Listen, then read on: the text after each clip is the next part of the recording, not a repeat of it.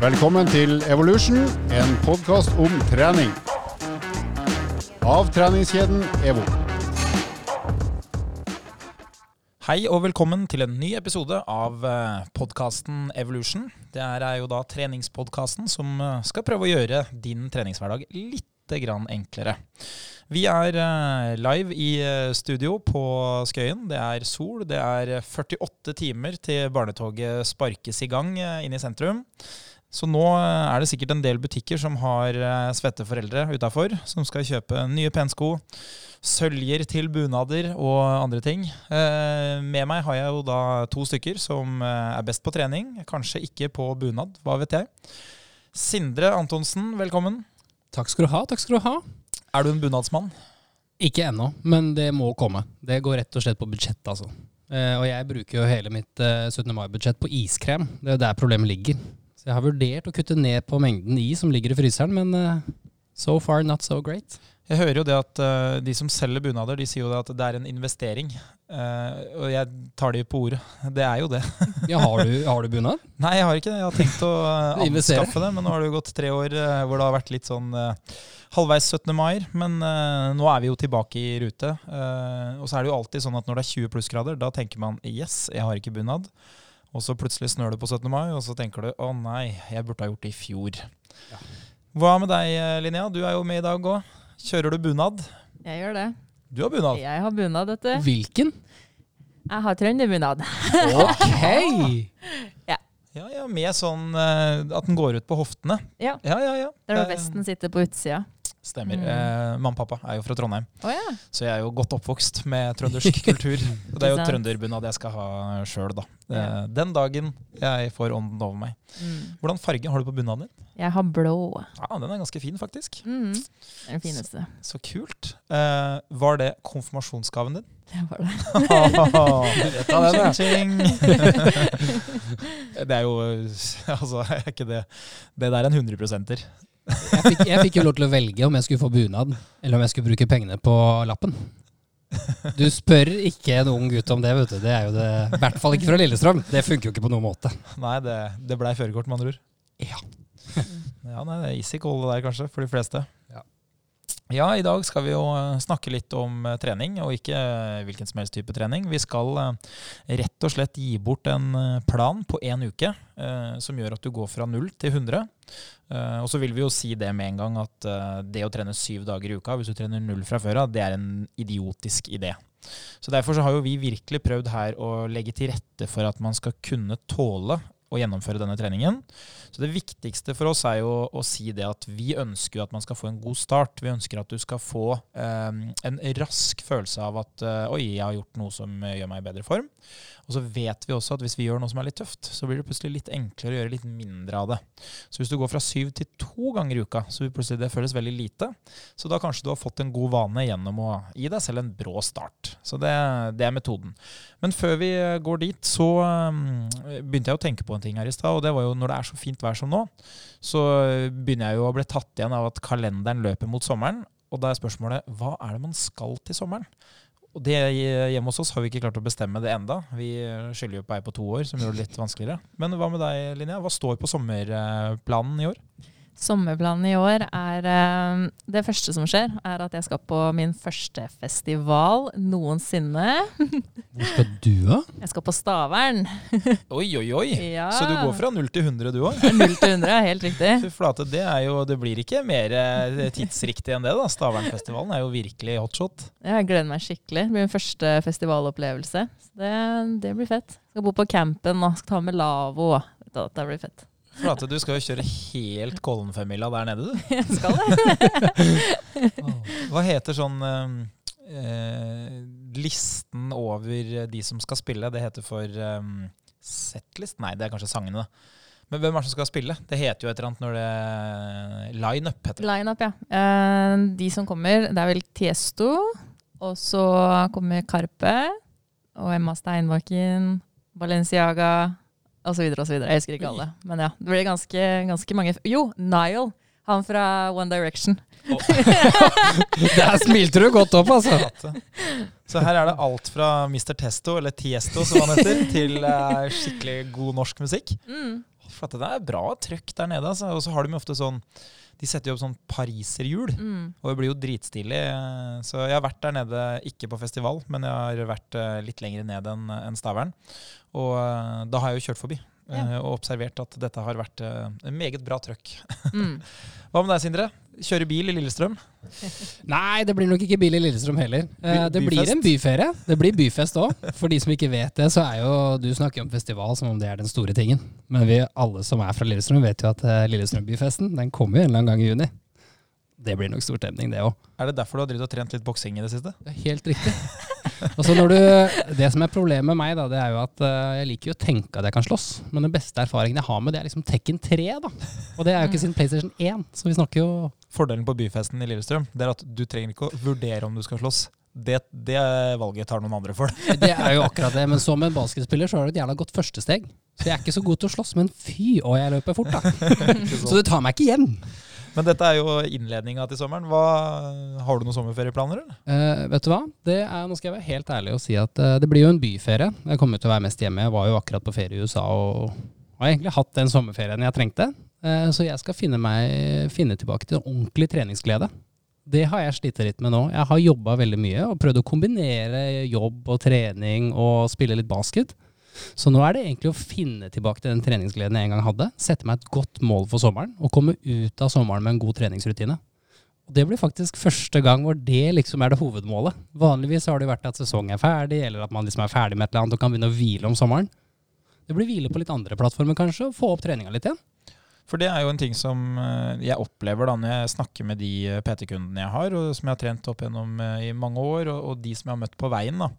Det er jo forskjellen på de som er ekstremt glad i å trene, og som gjør det fast, og de som på en måte skal inn i et treningsmønster, som føler at de har lyst til å trene mer enn det de gjør. Og det er jo ofte da at den som trener mye, planlegger jo for at de også skal kunne være aktive. Så man kanskje, når man velger hotell, da, så velger man et hotell med treningsrom, fordi jeg skal jo trene uansett. Så man, man tilrettelegger for det, eller kanskje man tenker at ja, hvis vi drar dit, så er det jo mulig å gå den toppturen en dag. Drar man til Bergen, så har man kanskje lyst til å gå på Fløyen eller Ulriken. Så man legger liksom til rette for uh, muligheten til å være fysisk aktiv. Men så merker jeg det at veldig mange av de som da ikke er vant til å trene, de tenker ofte at de skal trene fram til sommeren. Og så er de da ferdig med treninga, og så møter de opp igjen etter sommeren. Det er så bra sagt. Ikke sant? Og Problemet med det er jo at da blir det en røff start etter sommeren, og sommeren blir ofte ganske lang. Fordi at du da ikke har vært fysisk aktiv på en god stund. Og så blir jo ikke formen bedre av å ha pause. Det, det vet vi på en måte. Ja. Så det vi skal gjøre nå er jo å prøve å få folk i gang før sommeren, og så får vi håpe at de eh, skal være aktive gjennom sommerferien. Og så er det jo ikke sånn at man må drive og blodtrene midt i fellesferien, men det å kanskje legge til rette for at eh, man sykler en dag, går tur en dag, altså legge inn sånne ting, da. Det tror jeg jo eh, er å anbefale. Tenker du på det når du skal planlegge, Linnea? Uh, ja. jeg gjør det. Det hender at uh, Altså, jeg, jeg prøver å få til at jeg i hvert fall har en eller annen aktivitet som skjer i løpet av ferien. Så, um, men ikke nødvendigvis Jeg tenker ikke på liksom treningsrom. Ja, at det er det viktigste på hotellet. Men uh, kanskje basseng er enda viktigere for meg. Men du liker å gå litt, og, gå litt på toppturer og sånn, eller? ja, jeg syns det er kjempefint og avslappende å gå på turer. Så det liker jeg å se på. Jeg syns det er så morsomt at du sier det som om det er så avslappende. Jeg snakker med veldig mange som tenker på toppturer som at dette her er noe jeg har lyst til å få til og oppnå. Eh, og det er jo det som er så inspirerende med det å være glad i fysisk aktivitet, er at det gir deg så mange muligheter. Som du sier da, Andreas, og du nevner Linnea, at det å bare kunne ta seg en sykkeltur og gjøre det som om du kaller det avslappende og godt. For de aller fleste så er det en tung treningsøkt. Og det å ha det som et mål å komme seg til den fysiske formen hvor fysisk aktivitet faktisk er moro. Det er jo det vi prøver å skape her hele tiden. Og det må jeg jo si, fra en som uh, da har løpt intervaller gatelangs uh, langs Østre Aker, som for de fleste ikke er et sted man noen gang har vært uten uh, fire rullende gummidekker, ja, så, så må jeg jo si det at toppturer av ymse slag, altså det må ikke være fantastisk view over Bergen eller Nord-Norge, eller Men det er et eller annet veldig uh, greit, i hvert fall for meg, da, som liker at det er litt målbart og at man har en, en mening med det. Det er ofte ganske kjekt. Og ja. bare det å gå steder på Romerike, f.eks. Jeg har jo prøvd å gå en del sånn høyeste topp i de ulike kommunene. Bare fordi at eh, da finnes det mange kommuner, og da finnes det mange topper, og så har du noe å holde på med. Og det òg er ganske sånn fint. Eh, jeg var jo, gikk da høyeste toppen i Akershus. Den ligger ganske langt nord, oppe i Hurdal. Og da ser du jo ganske store deler av Østlandet fra et sånt utkikkstårn på toppen. Men du går jo bare i skogen, for det er jo klart, fjellet er jo ikke kjempehøyt. Det er jo ikke noe snaufjell oppå der. Men bare det å gjøre det én dag, det gir ofte liksom litt mer enn at det er en treningsøkt. Jeg har jo ikke med meg liksom pulsklokka og skal trimme, det er bare for å være litt aktiv. Og det samme med sykkelturer. Er liksom sånn, det å kunne se litt mer, tilbakelegge litt lengre distanse, ha litt fri fra timeplan og mobil og sånn, det er ofte ganske kjekt. Så jeg, jeg anbefaler jo det, altså, helt uten å tenke på treningsformen. da. Helt enig. Så kan man jo dra til Stavern selvfølgelig og kjøre 40 000 dansesteg der ute på natta. Det, jeg tipper jo at uh, den eh, skrittelleren går varm. Det tipper jeg jo. Ja, den skal være med på turen i hvert fall. Så det blir gøy å se når jeg kommer tilbake. Så det er klart fem, eh, fem timer søvn om natta der og 18 timer aktiv, så det blir bra. Det, det blir bra trøkk. Send meg en melding hvor mange timer det tar på å brenne 500 kalorier på dansegulvet der, da. det skal jeg sende en melding på. Du skal få melding fra meg klokka 01.30. Nå har jeg brent 2000 kalorier. Problemet mitt er jo bare at drivstoffet inneholder kalorier. Ja, det sånn. så, så det, er jo, det, er jo, et forbruk eh, som matcher inntaket. Eller kanskje ikke, faktisk. Nei, det går nesten i null. Nesten i null. La oss eh, se litt videre på denne helvetesuken da, som vi har eh, begitt oss ut på her. Vi eh, skal finne syv treningsøkter som man kan ha på syv dager for å få en god kickstart. Det er det som er poenget her. Det er ikke å gjøre folk til toppidrettsutøvere. Og det er ikke å sende folk i kjelleren, men vi skal prøve å få en eh, god start på en litt uh, tøff og brutal måte. Så følg med.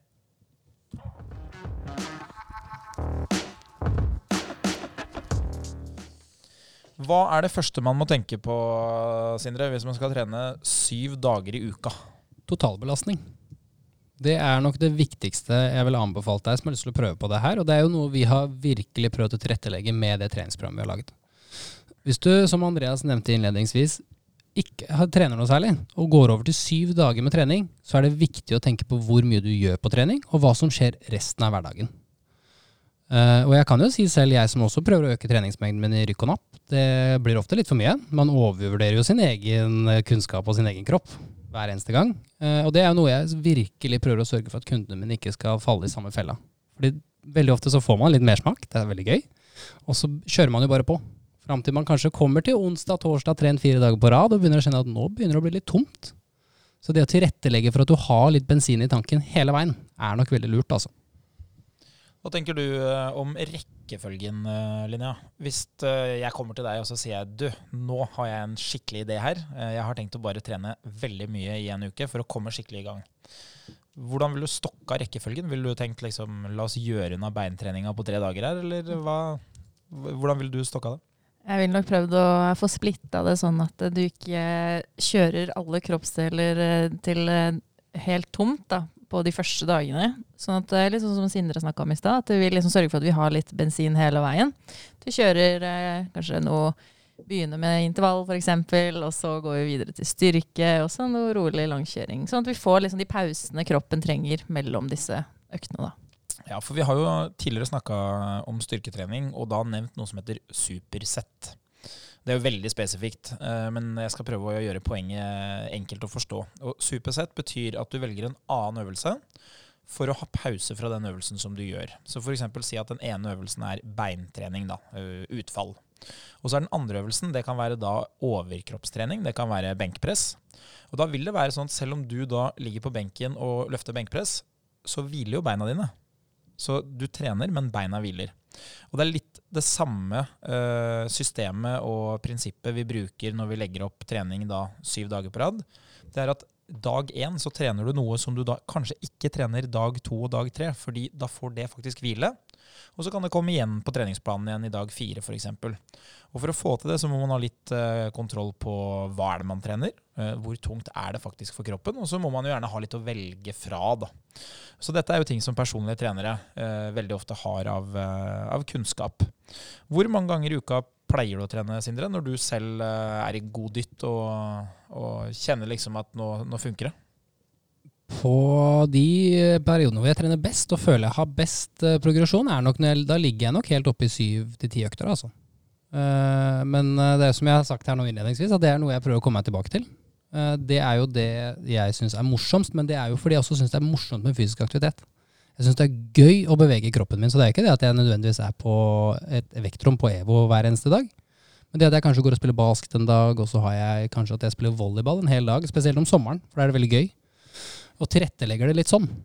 Men det er jo da hele tiden se på totalbelastning, da. Ikke sant? Hva med deg, Linnea? Du trener jo mye styrke. Det er jo noe som er veldig tungt når man gjør det, og som kanskje krever litt bedre kontroll på restitusjonen, da, altså tida fram til neste økt. Basket f.eks. kunne man jo i teorien ha spilt hver dag nesten, hvis man eh, ikke spilte for lenge og var vant til det. Ja. Hva, hvor mange økter har du i uka? Eh, jeg pleier å ha fire styrkeøkter i uka, og så har jeg en eller to Eller en kondisjons-restitusjonsdag, da. For jeg har ikke helt fått grep på den der eh, intervalløpinga og ja, Det er ikke der fokuset mitt er, da. Men jeg har i hvert fall en uh, tosplitt som jeg kjører eh, i uka. Og da er det fire økter. To beindager og to overkroppsdager. Og de tar jeg da annenhver. Ja, og, og da, Det er jo et prinsipp man kan bruke for å ha høy treningsmengde. Det at du da splitter kroppen, så du deler egentlig da overkropp og underkropp fra hverandre. Og da hviler overkroppen når underkroppen trener. Ja, Det stemmer. Så det ser man jo at eh, det å ha tosplitt, som du sier, det er jo vanlig hvis man trener tre til fire ganger i uka, f.eks. Og hvis man trener eh, fem til seks ganger i uka, så kanskje man må opp i en uh, tresplitt. Kanskje man må begynne å dele kroppen enda mer. Men hvis du trener én til to ganger i uka, da trenger du egentlig ikke noe splitt. Hvis du, eh, hvis du hadde valgt å splitte, da, sånn som du gjør, hvor du trener da underkroppen og overkroppen og trener én gang i uka, da betyr det at beina dine trener annenhver uke. Ja. Så, så Derfor så ser man da at det er kanskje en lite gunstig metode å bruke. Ja. Så det vi har gjort nå, da, det er at vi har prøvd å satt sammen en hel treningsuke. Vi har jo da satt noen kriterier og ett kriterium det er øktene varer i 40 minutter. Og en av grunnene til at vi sier 40 minutter og ikke en time eller 15 minutter, det er jo fordi at vi må ha nok trening til at det gir litt effekt. Men så må vi også passe oss, som du sier, Sindre, at ikke det blir for høyt volum. Så vi må ned på totalmengden. Og så må vi ha kontroll på hva vi gjør. Ja. Og så må vi stokke det riktig.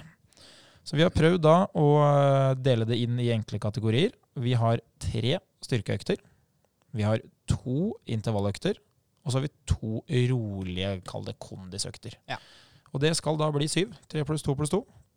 Og så har vi da stokka det utover i eh, kalenderen vår. Eh, og da er jo tanken at nå har vi delt det sånn at det ikke blir syv styrkeøkter, som hadde blitt veldig, veldig tøft. Men vi må også passe på at de havner i riktig rekkefølge, så ikke det blir styrke, styrke, styrke. Løping, løping. Sånn at vi ender opp med å, å rett og slett ikke være klar til neste økt. For det er problemet når du trener mye.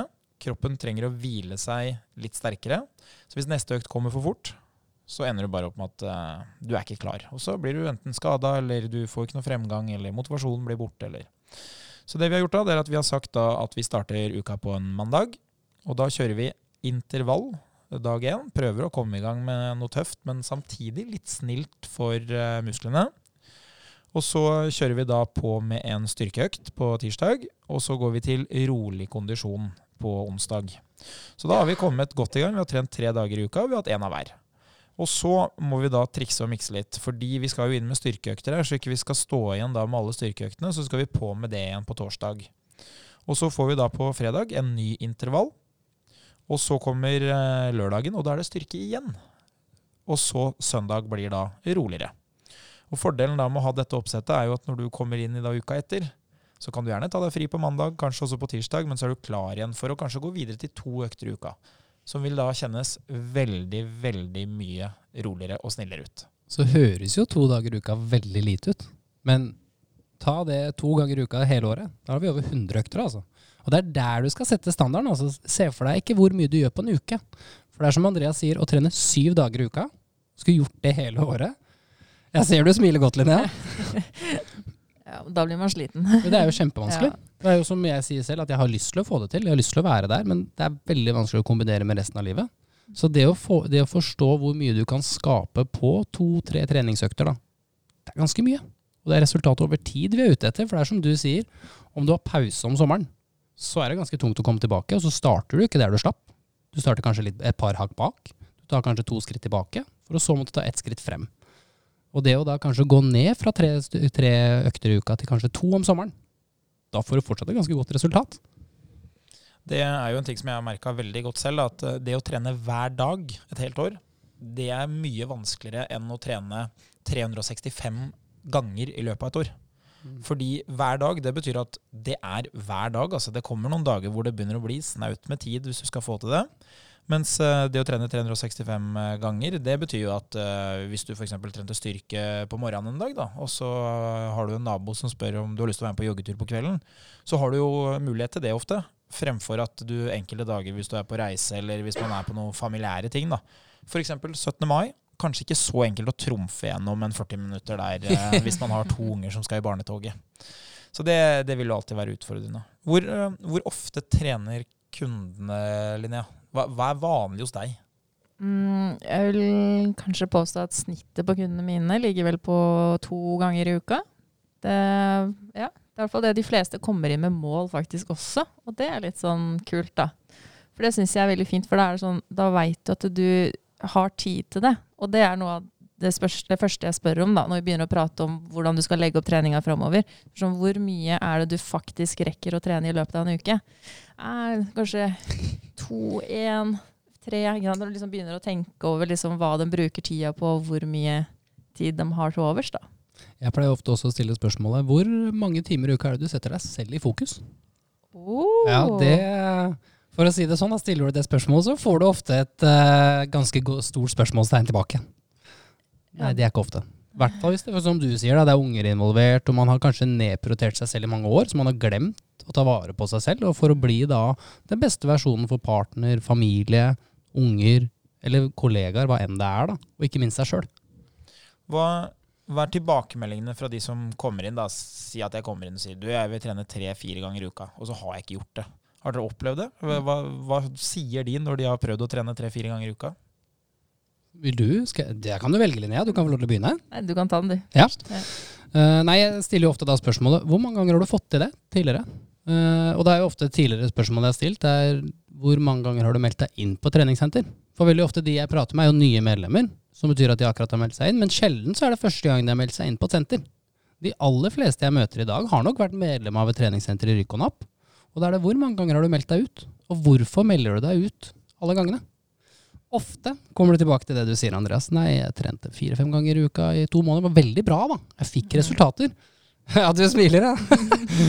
ja, det er akkurat det. Folk er veldig sånn eh, Når vi setter i gang, og så kjører de hardt på, og så detter man av igjen etter noen uker, og så går man opp igjen, så ender det opp med at man har en treningskurve som ikke er helt stabil. Da. Det går liksom, det er høye, høye topper, og så er det veldig lave, lave bunnpunkter. Da. Så det gjelder jo det å finne midtpunktet. Da. Jeg er helt enig med deg. Men jeg opplever jo at veldig mange setter kravet for hva som er god fysisk aktivitet, for altfor høyt.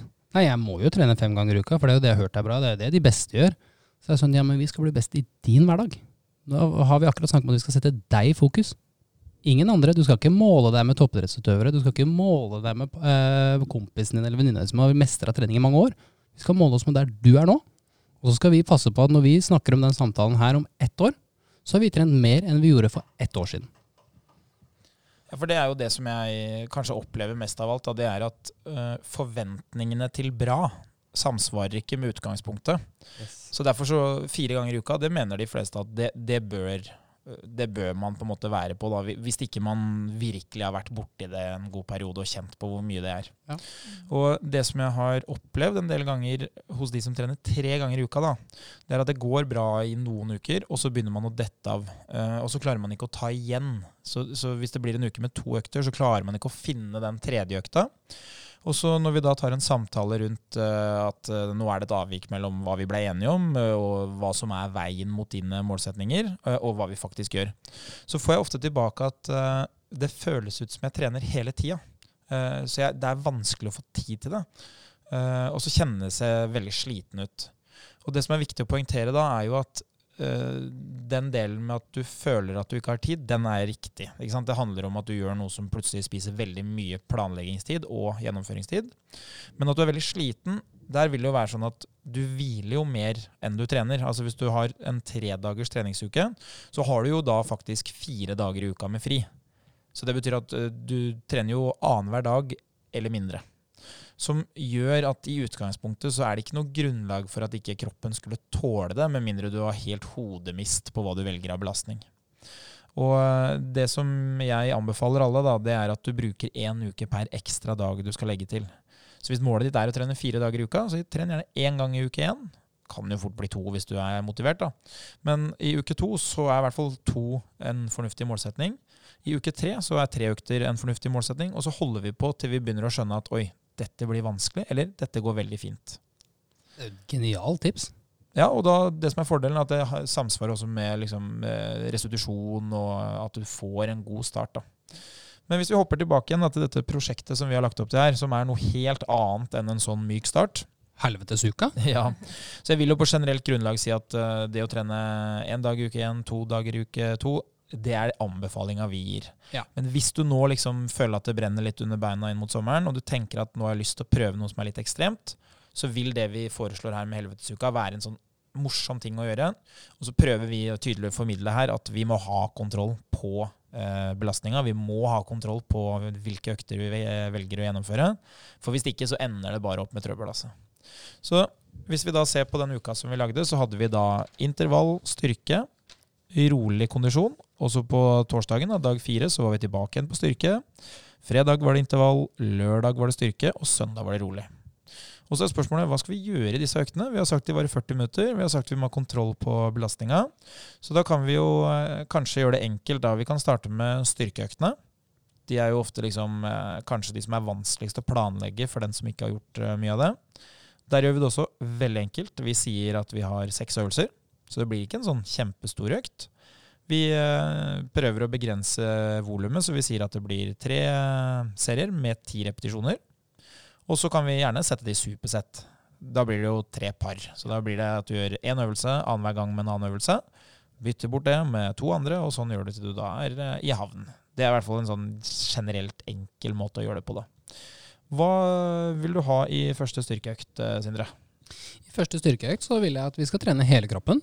Uh, og der det gjelder det å ta vare på litt eh, ta vare på denne totalbelastningen. Så vi starter relativt mykt med at jeg vil anbefale deg da å ta en form for knebøy. Kombinere det med en form for pushups. Om du da velger å ta pushups på knær, eller om du velger å ta pushups si stående, hvis man skal si det sånn, uten knær, så er det helt irrelevant. Det viktigste er at du utfordrer deg selv. Og det samme gjelder da knebøyen. Om du har lyst på stang på ryggen, eller om du holder da med å ta 8-12 repetisjoner kanskje rett opp og ned uten vekt, så er det der vi setter lista. Videre da, det er jo A1 og A2, eh, som er det første supersettet. Så kommer det neste supersettet, som da er det jeg kaller B1 og B2. Så vi følger jo da bare egentlig alfabetet for å vite hvilket supersett vi er på. Vet du hvem som var B1 og B2? Nei.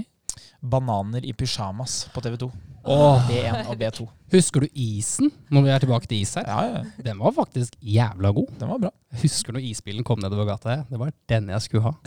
Han hadde jo tyggegummi og var ikke måte på. Det. Dette var en eh, avsporing. Av Ja, det, uten tvil skal vi gå tilbake til B1 og B2, Ja, som ikke er bananer i pysjamas. Hva har du eh, som eh, de to neste styrkeøvelsene? Da går vi over til apparat, to apparatsøvelser, som det er lårkøl og sittende roing. Jeg ønsker jo at vi da skal først trene noe som fokuserer veldig mye på fremsiden av beina, og det er jo da knebøyen. Selvfølgelig trener den stuten også. Det gjør den. Men lårkull er da for bakside lår. Så går vi over til sittende roing, som nå er litt mer for ryggmuskulaturen. Og der jo, er det jo disse kjente kabelapparatene man setter seg i, og trekker da vekten til seg. Deretter går vi til C1 og C2. Ikke C4, for så vidt. Bare sånn hvis vi skal avspore en gang til. Da er det skulderpress og nedtrekk. Skulderpress er jo da at du holder vektene foran deg, og så presser du de rett opp over hodet. Og dette kan du gjerne gjøre sittende. Og så er det nedtrekk, som også er en sittende øvelse. Og da er det jo da stikk motsatt. Da tar du vekten som henger over hodet, og trekker det ned, tre, fører albuene ned inn mot brystet. Good. Er det, er det noe å si om uh, hvorfor disse øvelsene? Hva, jeg stiller jo alltid spørsmålet til studentene når de har eksamen. Hvor, hvorfor har du valgt dette? Nå skal du høre her. Nei da. Det jeg er opptatt av, er at vi skal, alle, vi skal prøve å trene kroppen i alle plan. Og vi skal gjøre det på en litt enkel måte. Så her sørger vi for at vi får et horisontalt trekk, et horisontalt uh, si push, Og Så, videre, og så, videre. så vi prøver jo egentlig å trene kroppen din i alle bevegelser vi kan, på en lettest mulig måte. Ja, Så trekker mot deg, trekker ned, eh, skyver opp, skyver, fra, fra, og så trener du beina. Ja, helt riktig. Kanon. Da har man jo trent hele kroppen, og det er store muskelgrupper. Og det er jo en sånn ting dere kan tenke på. Press opp, trekk ned, press frem, trekk til, og to på beina. Perfekt. Jeg har da lagd den andre styrkeøvelsen. styrkeøkt styrkeøkta. Uh, og det som er viktig da, ikke sant, er nå styrkeøkten her kommer jo bare med én dags mellomrom. Så det betyr at den økta du har hatt, den får du da 48 timer hvile fra før du skal inn i en ny. Yes. Og det vi må prøve å tenke på da, er at ikke det blir sånn bein, bein, bein, eller hardt, hardt, hardt. For det kan godt hende at man er litt støl, man er litt sliten. Og så har man jo gjerne da trent imellom, for det er jo det som er meninga her. Og da har du jo hatt en rolig økt imellom der, som vi òg må ta hensyn til. Så det jeg har gjort, da, det er at jeg har lagd en litt sånn klassisk mage-rygg-økt. Uh. Uh, og det er jo uh, noe som mange tenker på at det er skikkelig bra. Og det er, det er bra. Men hvis man skal gradere de i belastning, så er det jo en pyseøkt, ja. egentlig. Og det er, er bra, det. altså. Det er veldig fornuftig å ha sånne type økter. Men, men de har for seg at de, de trener ofte ikke de store muskelgruppene. Uh, og de skaper heller ikke veldig mye intensitet. Så det er ofte sånne gode fylløkter, som man kan kalle det. At det blir nesten som en pausedag for veldig mange andre muskler. Og da har jeg lagt opp til det samme med at vi har seks øvelser. Vi har tre ganger ti repetisjoner. Og så har vi da supersett. Så det betyr at vi kjører en sånn eh, A1-2-variant, B1-2 og C1-2. Og da har jeg rygghev den som eh, de aller fleste har sett eh, når du henger utfor eh, kanten og løfter overkroppen. For da får du trent alt fra nesten nederst på hæla og helt opp til nakken. Så du bruker da muskulatur på baksida av kne, du bruker rumpa, du bruker ryggen, og du bruker øvre del av ryggen og nakken. Så det er en fin øvelse.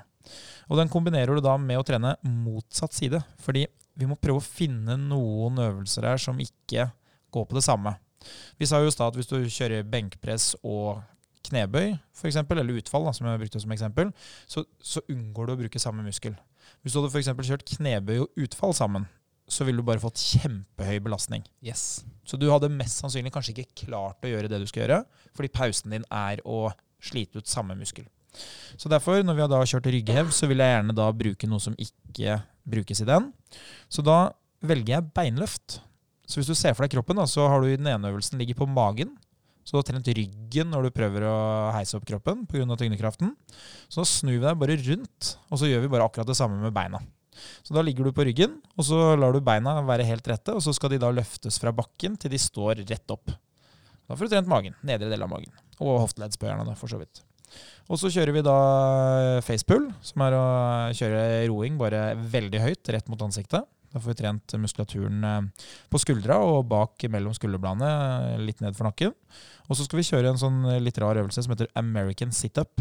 Uh. American situp? Ja, det er en uh, situpsøvelse hvor du ligger på ryggen, men du kan gjerne da ha beina uh, sånn at du har fotsålene mot hverandre. Oh. Ikke sant? Så du må bøye knæra, mm. knæra ut til sida, og så har du fotsålene sammen. Og så har du rette armer. Så det betyr at når du ligger bakover, da, så har du nesten en sånn, kall en yogastilling, bare du ligger på ryggen. da. Du har beina liksom samla, så knærne stikker ut til hver side. Og så har du arma eh, på bakken over hodet.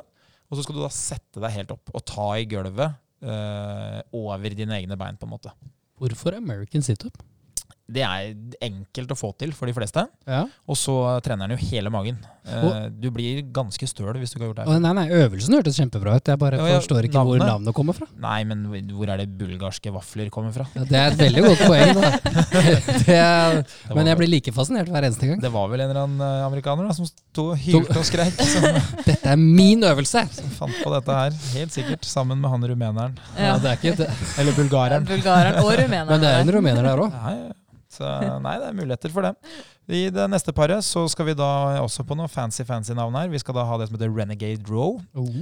Og det er egentlig en øvelse hvor du eh, ser for deg at du skal ta pushups. Den stillingen som du står i når du starter pushups. Det som i Forsvaret kalles for ferdig stilling. Hvis du gjør det, men samtidig holder i to manualer, altså at du skal ta pushupsen på vekter Det høres helt ekstremt ut, men det er ikke det vi skal. Det vi skal gjøre, da, er at vi skal trekke de opp. Så da tar du eh, og står på alle fire, og så f.eks. trekker du opp venstre hånd. Så da blir det en roing mens du står i planken. Det er en ganske morsom øvelse, da. Ja, og det som er spesielt med den, det er at den ser veldig vanskelig ut, men det er en øvelse som veldig mange behersker. Så det jeg ville starta med, da, det er kanskje bare å gjøre det uten vektene i starten, for å se at jeg klarer å holde balansen. Bare trekke arma opp til sida og ta meg selv på hofta, f.eks.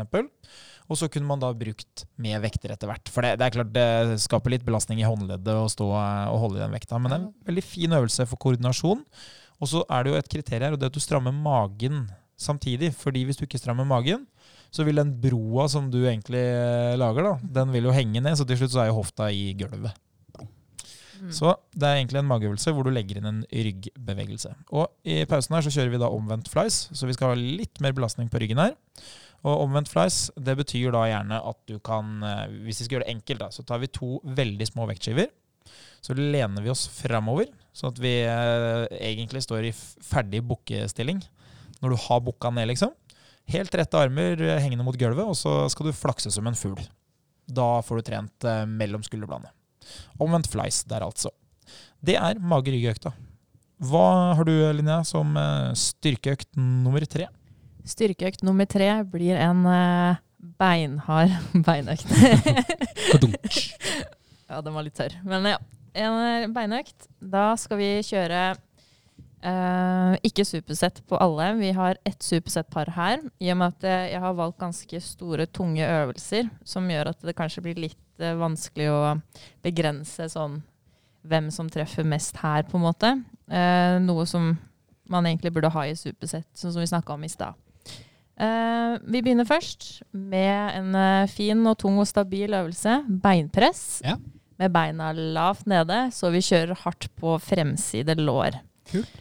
Yes. Eh, og nummer to, da skal vi trene litt på baksiden. Da skal vi gjøre rumenske markløft. Så det blir litt Der er vi eh, tilbake til rumensk, ja. Ja, ja. Ja. Romanian. Har vi hatt American, vi har hatt Romanian.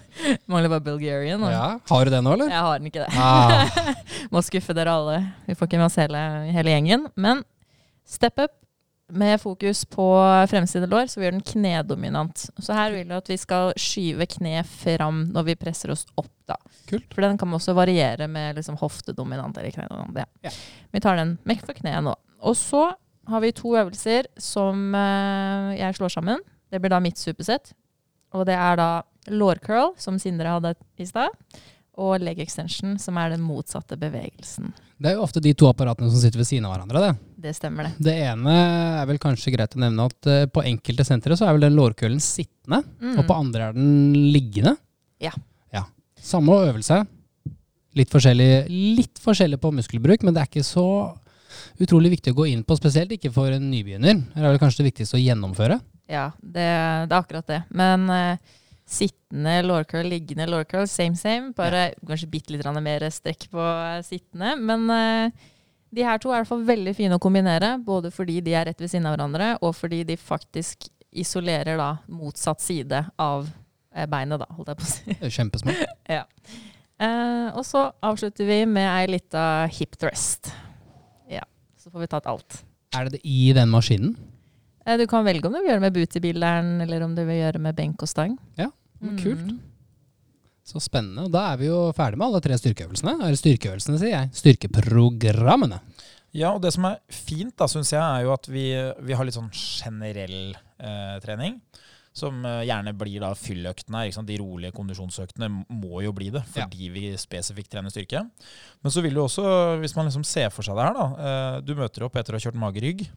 Ganske sikkert at du kjenner det i magen, som ofte er en sånn litt behagelig eh, godt-vondt-følelse. Og så når du da har vært igjennom en knallhard beinøkt, egentlig, så vil du kjenne på at ok, men dette har fungert. Det, Ja. Dette er bra for meg, liksom.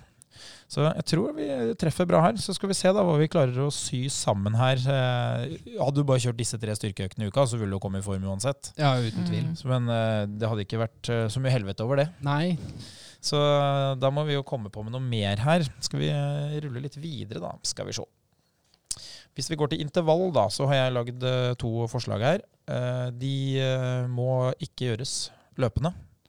Men eh, det ville jeg gjort hvis eh, jeg kan løpe, for det er definitivt det mest effektive. Men eh, andre alternativer er ellipsemaskin, motbakke, romaskin. Det som fort kan skje, da, det er at det som vil være veldig greit på ellipse og på løpende, vil kanskje bli en del tøffere hvis du velger romaskin. Fordi at man ikke tåler volumet. Så man må være litt sånn smart på å holde igjen litt. Og så vil nok ikke effekten på hjertemuskelen være like stor hvis du begynner å velge ting du ikke har gjort så mye av. Så hvis jeg hadde sagt til deg, eh, Sindre, du, nå skal du gjøre de øktene men du skal gjøre det på stakemaskina, så ville du blitt bedre til å stake. Du ville kjent at det var skikkelig slitsomt, men vi ville sett på pulsen din at det hadde vært bedre avkastning om du gjorde det løpende. Allerede gjort. Det var ganske skuffende. For jeg var så sliten, trodde jeg.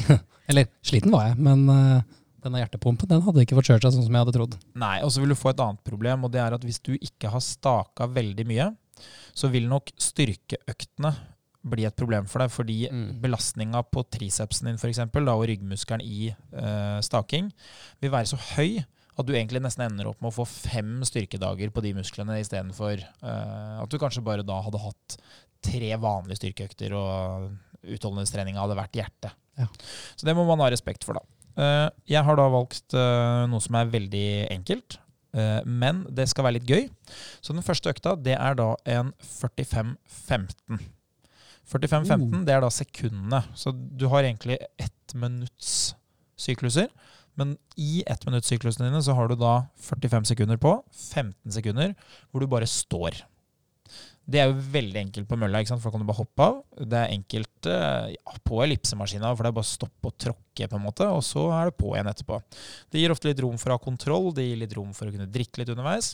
Og så for å da ikke holde på med dette her evig, så har jeg da sagt at vi skal ha to runder med ti gjentagende repetisjoner av 45-15. Så i praksis så betyr det at uh, når jeg har varma opp, da, som jeg har sagt at vi skal gjøre i ti minutter, varma opp litt progressivt, viktig å starte rolig. Liksom, målet her er å være varm til intervallene, ikke være ferdig trent til intervallene. De aller fleste jeg kjenner, de starter altfor hardt på oppvarming. De, de er oppe og løper på en fart som i utgangspunktet hadde vært riktig fart for intervallene. Så du må ned med farta. Det er ikke noe å hente. Det, det er selve treninga som skal gi avkastninga, ikke oppvarminga. Og det som vil skje da praktisk, det er du begynner, så holder du på til du har nådd 45 sekunder, og da har du 15 sekunder hvor du ikke gjør noen ting. Og så når du da har hatt de 15 sekundene, så bare fortsetter du i samme tempo. Så hvis vi sier mølla, da. Si at du setter mølla på 9 km i timen. Da Da løper du 45 sekunder på 9 km, hopper av, venter i 15 sekunder, hopper på igjen. Fortsetter å løpe på 9 km i timen. Og så når du da har kommet til 1 minutt og 45 sekunder, så hopper du av, venter i 15 sekunder, hopper på igjen. Nye 45 sekunder, og sånn holder du på til du når da totalt 10 minutter. Eller da 9 minutter og 45 sekunder, som det da blir da, ikke sant. Og da hopper du av, og da får du to minutter pause. Så i teorien der så blir det 2 minutter og 15 sekunder pause, fordi du, du står nå igjen med en, eh, en 15 sekunder. Så vi kan godt bruke den bare for å være på hele minutter. Men hvis du har litt sånn avansert pulsklokke, så kunne du sagt at du bare har to minutter, for da kan du ha pulsklokka til å si at nå er det to minutter siden du stoppa i stad. Og så, etter to minutter, så kjører du en runde til med det samme. Og da får du jo ti minutter ganger to, hvor du har syv og et halvt minutt som faktisk er liksom veldig effektive. Og de pausene på 15 sekunder gir rom for høyere fart enn om du ikke hadde de. Og så er det litt mer spennende. Du blir følgende med på 45 sekunder, 45 sekunder hele tida, framfor nå skal du holde på i ti minutter. Mm. Det er lenge, altså. Jeg er jo veldig fan av sånne intervaller, for jeg syns det, det føles ut som at det går veldig mye fortere enn når du skal jogge ti minutter sammenhengende. Ikke sant? Eh, og det er også en måte man gjerne kan bygge opp eh, litt lengre økter på, som skal gå egentlig i jevnt rolig fart, f.eks. Ved å bygge opp at det er litt fartsforskjell underveis, så vil du følge med på det mer enn at du holder på lenge. Eh, det siste jeg skal si er at vi har en nedjogg på fem minutter, og da ender vi på ca. 40 min. Så, så det kan gjerne være å gå. Det er bare for at når vi først er der, vi er varme, vi er svette, så bare bruk de minuttene nå, så får du litt avkastning. Den andre økta, det er da en ganske klassisk maratonøkt, hvis man hadde sagt det er kilometer. Men vi skal ikke løpe kilometer, vi skal løpe minutter isteden. Og det er da en fallende eh, økt i tid. Å, det hørtes godt ut. Ja, det, er- mentalt er det veldig godt. Eh, Bortsett fra at straffen for å få til det er jo at du må opp i fart. Det, blir, det var en bakside her, ja. Ja, ja, men, men dette her er ofte en økt som ganske tidlig så har du jo kommet langt over halvveis.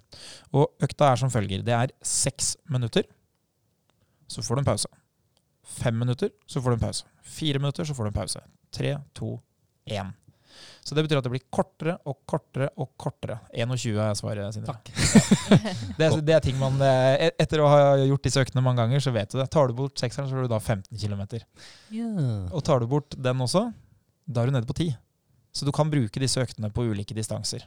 Så for en halvmaraton så ville det vært naturlig å kanskje løpt eh, 5-4-3-2-1. Eh, for en 10 km 4-3-2-1. For, for å liksom treffe på den lengden som du trener på. Mens på en maraton så må du kanskje da gjerne opp i en eh, Ja, mange kjører jo kanskje en 7-6-5-4-3-2-1. Og grunnen til det er jo fordi at du veldig raskt tilbakelegger en stor andel av økta. Og så har du en sikkerhet i at du klarer å gjennomføre det siste fordi det blir bare mindre og mindre. Og så kan man nå gå litt opp i fart. Så det vi skal gjøre, da, det er at vi da har oppvarming 10 minutter, og så starter vi da etter 90 sekunder pause. Så her er det mye mer pause, fordi vi holder på mye lengre. 90 sekunder det er nok til å drikke, tenke seg om, angre litt på at man driver med det her, og så kjører man av gårde. Og så skal vi da, hvis vi bruker samme utgangspunkt som i stad, da, eh, da må vi litt ned i fart, for vi sa jo at vi skulle ha 9 på 45-15. Så kanskje her må vi starte på si 8, da. Det, det her avhenger helt av form. Det er umulig å gjette på forhånd. Men si at vi har 8 km i timen, da. Og så når vi da går løs på femminutteren, så må vi øke med 0,5 km i timen. Så da får vi 8,5. Og så på fireminutteren så får vi da 9. Og så får vi 9,5 på 3. Og så får vi 10. Og så får vi 10,5. Så det betyr at du løper jo faktisk 2,5 km i timen fortere på ettminutteren enn du gjør på seksminutteren. Men det vil føles ganske bra, fordi det vil være så stor andel av draget du slipper å gjennomføre. Så eh, bare forskjellen på seksminutteren og fireminutteren er egentlig ganske stor. Du vil begynne å kjenne på at her får jeg lov å gi meg mens jeg fortsatt har eh, litt igjen. Så 90 sekunder pause og nedjogg fem minutter, og da er vi ca. på et par og 40 minutter. Jeg syns egentlig den økta hørtes ganske morsom ut. Ja. Ja, den gjorde det. Jeg fikk veldig lyst til å prøve den sjøl, jeg. Det var Ja. sånn skremmende nok. Så fikk jeg veldig lyst til Da å har prøve jo det. Treft på det som var oppgaven her. Ja. Det som ofte skjer, da, det er jo to ting. Det er jo at uh, det blir litt spennende underveis å se om man klarer å henge med. Og så blir veldig mye av tankene dine festa på selve oppgaveløsninga. Nå skal jeg av, nå skal jeg opp med farta. Og hvis du i tillegg da eh, bruker en pulsklokke og trykker hver gang du hopper av og på, så vil du få se sånn Å ja, jeg hadde den pulsen på seksminutteren, så det er den pulsen. Og det du vil se, er at du vil nok ha ganske lik puls. Fordi tida blir mindre og mindre, mens farta blir høyere. Så tida gjør at du rekker ikke å bygge opp like mye puls, mens eh, at du øker eh, farta hele tida, gjør jo at du gjerne kommer tilbake der du var da. Så det var to intervalløkter. Og da har vi igjen to økter som skal være snille sammenligna med det her. Så da må vi ned med fart. Men vi skal ikke holde på så mye lenger. Vi skal holde på med i 40 minutter. Så Sindre, du har eh, da den siste økta. Skal vi se, Linnea, du har den første. Ja. Hva vil du velge å gjøre hvis du skal få lov å bare holde på rolig i 40 minutter? Da vil jeg velge noe som eh, jeg syns er ganske komfortabelt. Eller i hvert fall behagelig, sånn eh, i forhold til hva kroppen min er vant til å gjøre. Så jeg har nok ikke valgt noen stakemaskin, men jeg velger da sykkel. For det er, eh, det er noe som er, man kan gjøre ute, man kan gjøre inne på treningssenter. Og det er veldig lett å flette det inn i eh, hverdagen, da, så du slipper å tenke på det som en økt.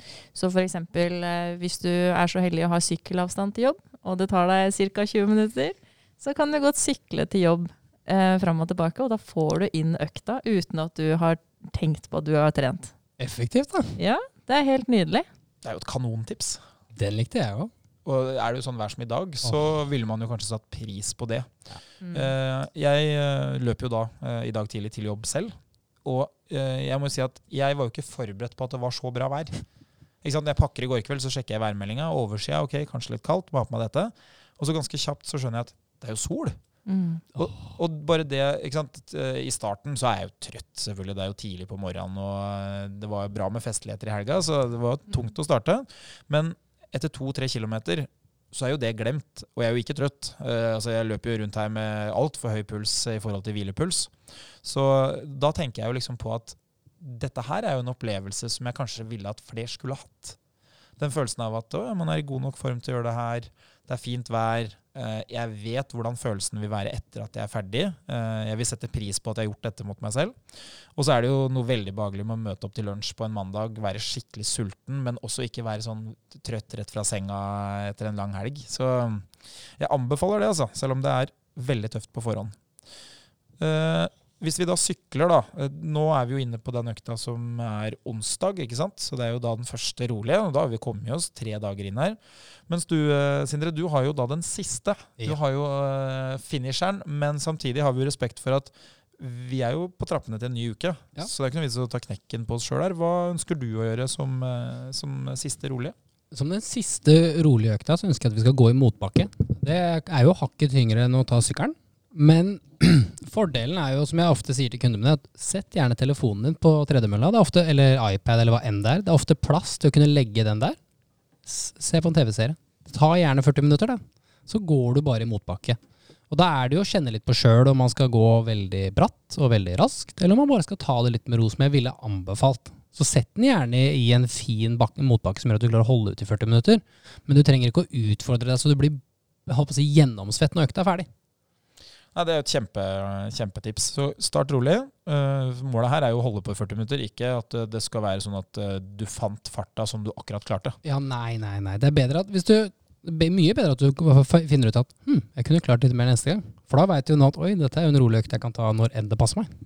Og så Det med TV-serier er jo et uh, supertips. Jeg ser jo på filmer. Jeg har jo TV foran mølla uh, hjemme. Og da er det jo en del filmer jeg kanskje har brukt tre treningsøkter på å se.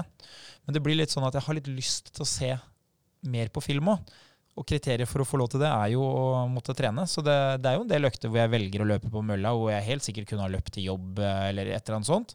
Men det bare er veldig behagelig å få lov å se litt på film. Og da, da er jeg på den sida hvor jeg har lyst til å gjøre det, fremfor at det blir sånn eh, å nei, nå må jeg gjøre dette igjen fordi at jeg har sagt til meg selv at jeg skal gjøre det. Det er jo kjempesmart. Aktiv måte å kose seg med fredagsfilmen på. Det er ikke feil, det. Skulle hatt sånn tredemølle kobla til TV-en. Desto mer du går, desto mer strøm får TV-en. Hvis du stopper å gå, så får du ikke se mer film. Det hadde kanskje vært eh, sånn hamsterhjul hvor du løper ja. på watt på det Som jeg også hadde som et tips her, men det, det gikk litt bort for meg i helga. Jeg, det ble en bråstopp uh, i går, faktisk. Det er jo at jeg har jo likt å se litt uh, fotballkamper. For da kan jo jeg holde på mens jeg ser fotballkampen. Men uh, etter at Arsenal valgte å tape 3-0 mot Brighton der, så da mm. Svir litt. Ja, nå er denne sesongen over.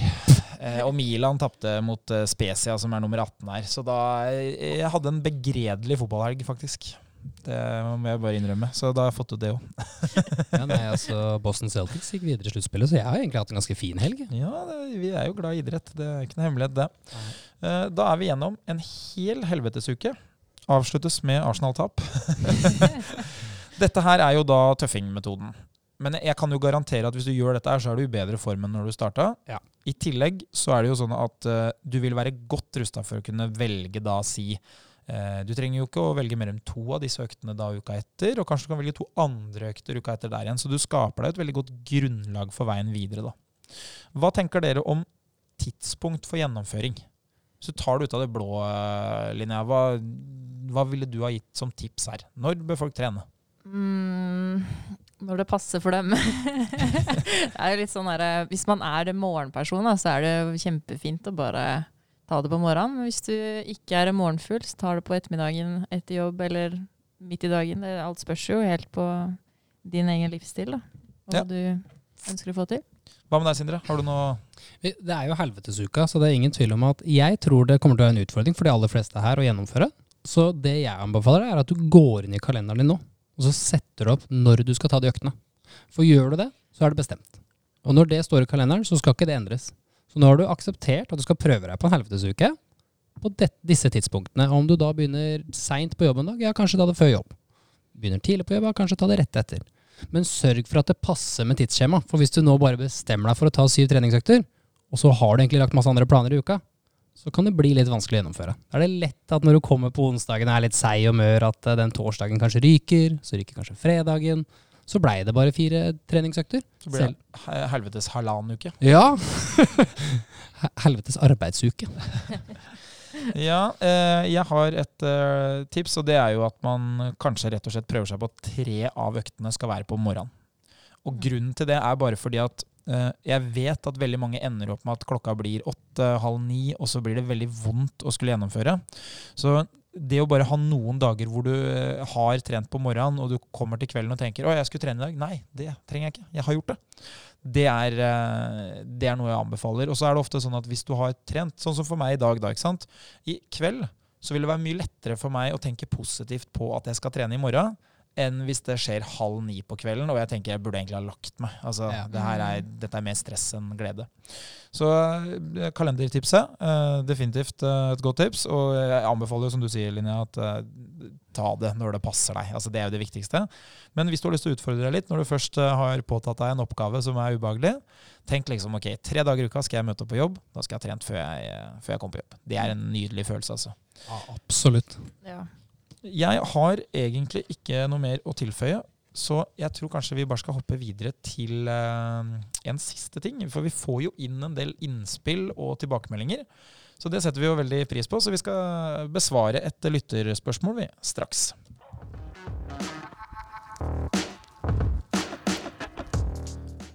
Vi oppfordrer jo til at folk tar kontakt med oss, og det gjør de.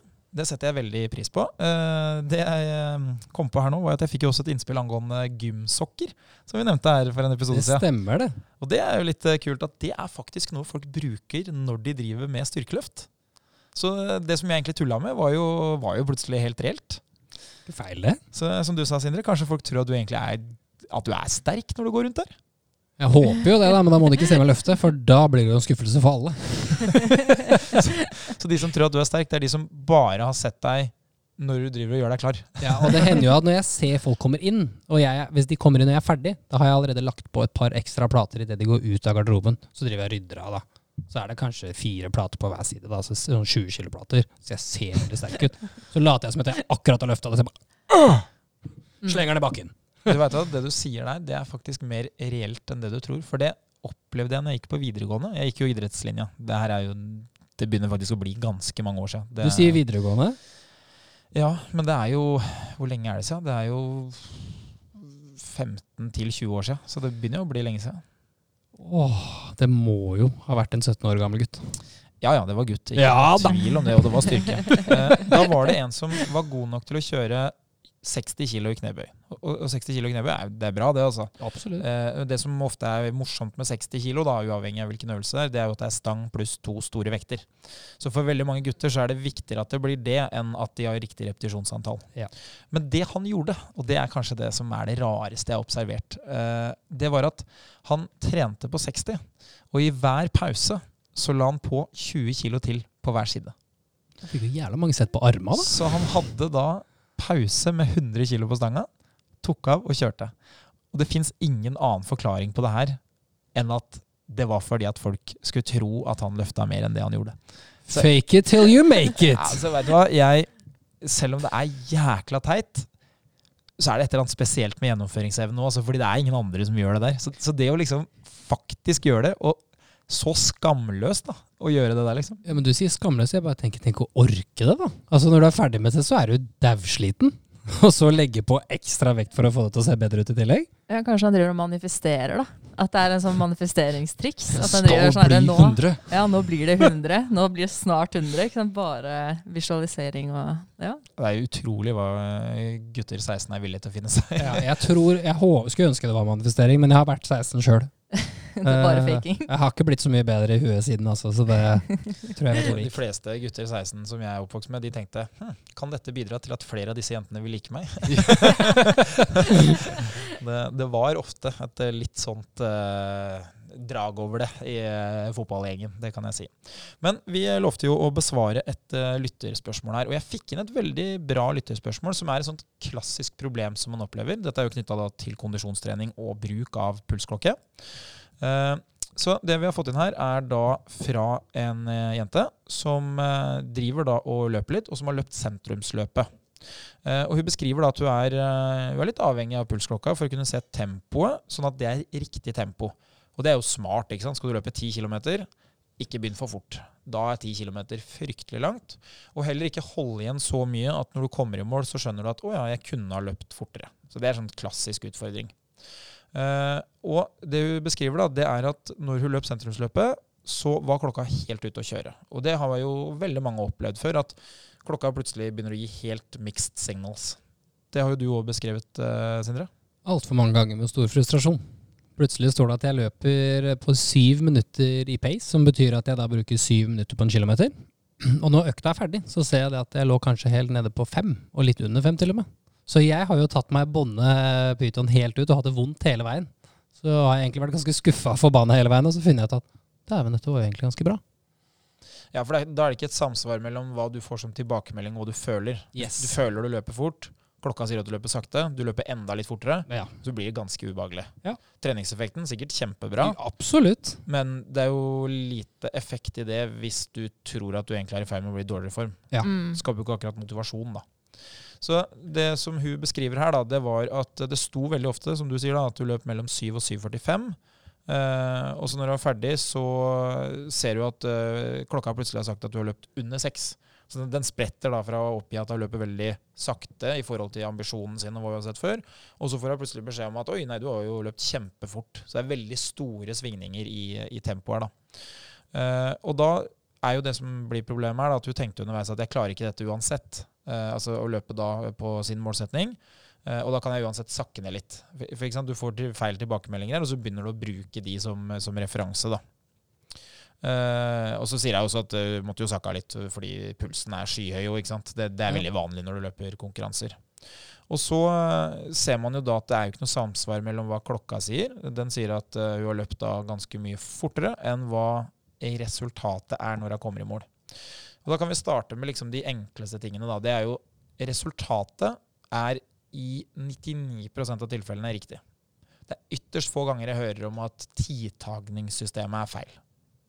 Og så er det alltid et spørsmål om løypa er riktig lengde, og det blir en sånn evig diskusjon når folk løper, for de sier alltid sånn Ja, men jeg har 10,3 på klokka mi. Kan jeg da bruke den tida som jeg passerte 10 km på? Og da er det sånn at løypene de er målt opp da på korteste mulige eh, distanse.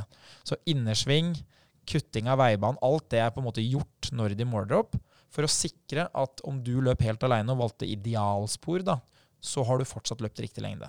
Og Det er jo hvis løypene skal kunne brukes til f.eks. Eh, gateverdensrekord. da, Så kan det ikke være sånn at å ja, den er satt på 9600 meter, den, så denne løypa den, den favoriserer jo god tid, for den er rett og slett for kort.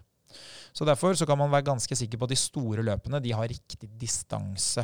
Hvis de liksom sier at dette er en eh, kontrollmålt eh, 10 km. Og sentrumsløpet f.eks. De er opptatt av det fordi tidene som blir satt, de kan brukes til å kvalifisere seg til andre ting andre steder.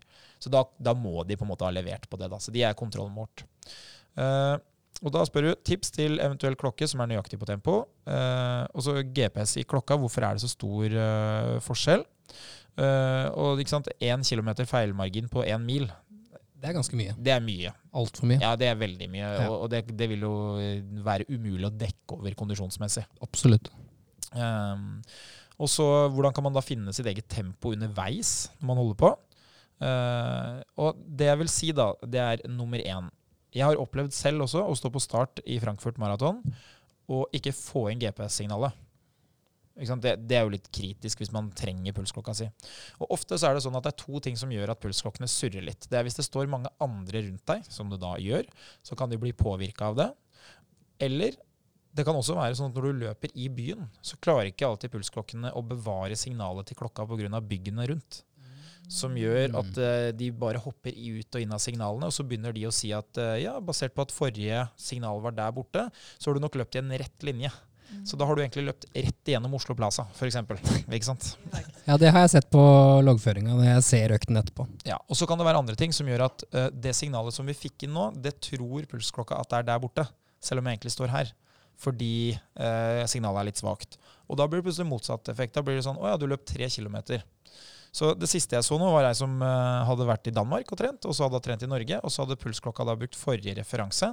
Så hun hadde da starta økta si et eller annet sted i Danmark, og så hadde neste GPS-punkt vært i Norge. Så da ble økta, som kanskje var jogging eller rulleski eller hva det var, den ble jo da 30 mil, da, ikke sant. Eller eh, nei, mer enn det. 300 mil. Oh, Ja, samme fader. I hvert fall Langt. den, den galopperer av gårde, ikke sant. Så sånne ting blir helt feil. Og for at det skal bli riktig, da, og for at uh, ikke man skal på en måte havne i, i trøbbel med det, så er det ett tips som gjelder. Det er å lære seg å bruke tiden. Altså gode gamle dager. Bruk stoppeklokka di, fordi nesten utelukkende alle sånne konkurranser de har skilta kilometerpasseringer. Så hvis du skal, si at du skal bruke en time, da. Du skal løpe på en time. Da bruker du 60 minutter. 60 minutter delt på 10 km, det er 6 minutter på kilometeren. Så det betyr at da skal du passere på 6, 12, 18, 24. Veldig greit hvis du lærer deg det på forhånd. Og da ser du at ok, her kommer jeg løpende. Nå har jeg brukt eh, 5.54. Ok, da ligger jeg foran. Neste gang kommer jeg forbi kilometer nummer to. Jeg har brukt 12.01. Ok, jeg ligger ett sekund bak. Det er jo klart, seks minutters eh, intervaller mellom hastigheten, det er ganske langt. Så det betyr at eh, du får jo få tilbakemeldinger, da. Det er mulig å ødelegge et løp på seks minutter, for å si det sånn. Men det som uh, ofte er en annen greie, det er at de store løpene de har uh, sånne som løper på tid. Så da har du en person som løper med skilt hvor det står 'Jeg har tenkt til å løpe på én time'. Ja. Da kan du bare ligge bak den personen, og så kommer den personen til å faktisk løpe. Det kalles for en fartsholder. Og alle store konkurranser har fartsholdere. Og det visste jeg ikke. Nei, og det er jo litt morsomt. Og hvis man har vært litt borti det, så vil man også oppleve hvor, hvor liten distanseforskjell det er på tid. Så hvis du eh, sier at du skal løpe på 58 minutter, da, Mm. så betyr det at du skal ligge så utrolig nærme den ballongen veldig lenge. Fordi du skal i løpet av 10 000 meter ende opp med å havne ca. 200 meter foran. Ja. Så du skal 20 meter på første kilometerpasseringa, 40 meter på andre, som gjør at det er nesten mer verdifullt for deg bare ligge bak alle de andre menneskene der til du har løpt halvveis, og så heller gi litt mer gass. Fordi luftmotstanden vil på en måte veie opp for eh. Så det å bruke klokke, det å være vant til å løpe, men viktigst av alt, det å løpe treningsøkter som gjør at du får lov å kjenne på farta, det er, det er en veldig, veldig god nøkkel. Og da finnes det jo en enkel måte å øve på det, og det kalles for tredemølle. Så det å løpe mye på tredemølle gjør at du ofte blir veldig god til å holde fart. Alternativt løpe på bane. Da kan du måle farta di på hver hundrede meter, f.eks. Som gjør det veldig enkelt. Skal du løpe på 40 minutter, så er det 240 sekunder på 1000 meter. Det er 24 sekunder på 100 meter. Da kan du se på klokka di hver hundrede meter. Da vet du at du løper eksakt i riktig fart. Så det er en måte å kalibrere seg selv på hvis man skal delta i konkurranser. da. Eh, bortsett fra det så har jeg ikke så mange andre tips, fordi dette gjelder alle pulsklokkene. Men de blir bedre og bedre. Eh, men det viktigste er nok at du ganske kjapt skjønner at her er det et avvik. Eh, og du skjønner at 'jeg kan ikke stole på denne klokka'. Og det kan du finne ut allerede etter 1000 meter. For hvis du da ser at jeg har løpt 1000 meter på 6 minutter, men klokka mi sier jo hele tida at jeg har hatt 8-9 minutter på kilometeren, eller at jeg har vært nede på 5 blank, så stemmer ikke det. For, når du passerer 1000 meter på 6 minutter, så er det det er 10 km i timen. Det er, det, er verken mer eller mindre. Det er akkurat det det er, på en måte. Så det er, eh, det er de enkle tips eh, jeg har. Ingenting å tilføye fra egen løpekarriere, Sindre? Ikke annet enn at eh, det høres veldig tungt ut i starten, men den mestringsfølelsen du får når du først har kommet litt i gang, det kan til og med jeg nå skrive under på at det er jævla moro. Og jeg anbefaler absolutt alle å prøve. For den løpegleden du får av sånn som du sier, å kunne løpe til jobb eller løpe til et sted, det er så Til og med for meg, som er veldig glad i å trene, var veldig litt sånn surrealistisk. Hvor effektivt og morsomt det egentlig var. Spesielt nå når det er fint vær. Så jeg har ikke noe godt tips, annet enn at eh, vær tålmodig og gled deg til du kommer litt ordentlig i gang. Kanon! Skal vi rett og slett bare ta en liten uh, 17. mai-pause? Vi er tilbake om uh, ja, jeg vil tippe ca. en uke. Det er det som uh, snittet tilsier. Eh, vi skal ta en liten prat på kammerset om hvilken is som er best. Så får vi se om vi henter det opp igjen til eh, neste episode. Så inntil videre, lykke til med treningen, og eh, gjør deg selv en tjeneste. Ikke en bjørnetjeneste. Veldig mange som misbruker det ordtaket. Du skal gjøre deg selv en tjeneste, ikke en bjørnetjeneste. Det er negativt. Test helvetesuka. Så inntil videre, god trening. Vil du vite mer om trening, abonner på podkasten og sjekk ut vårt treningsmagasin på evo.no.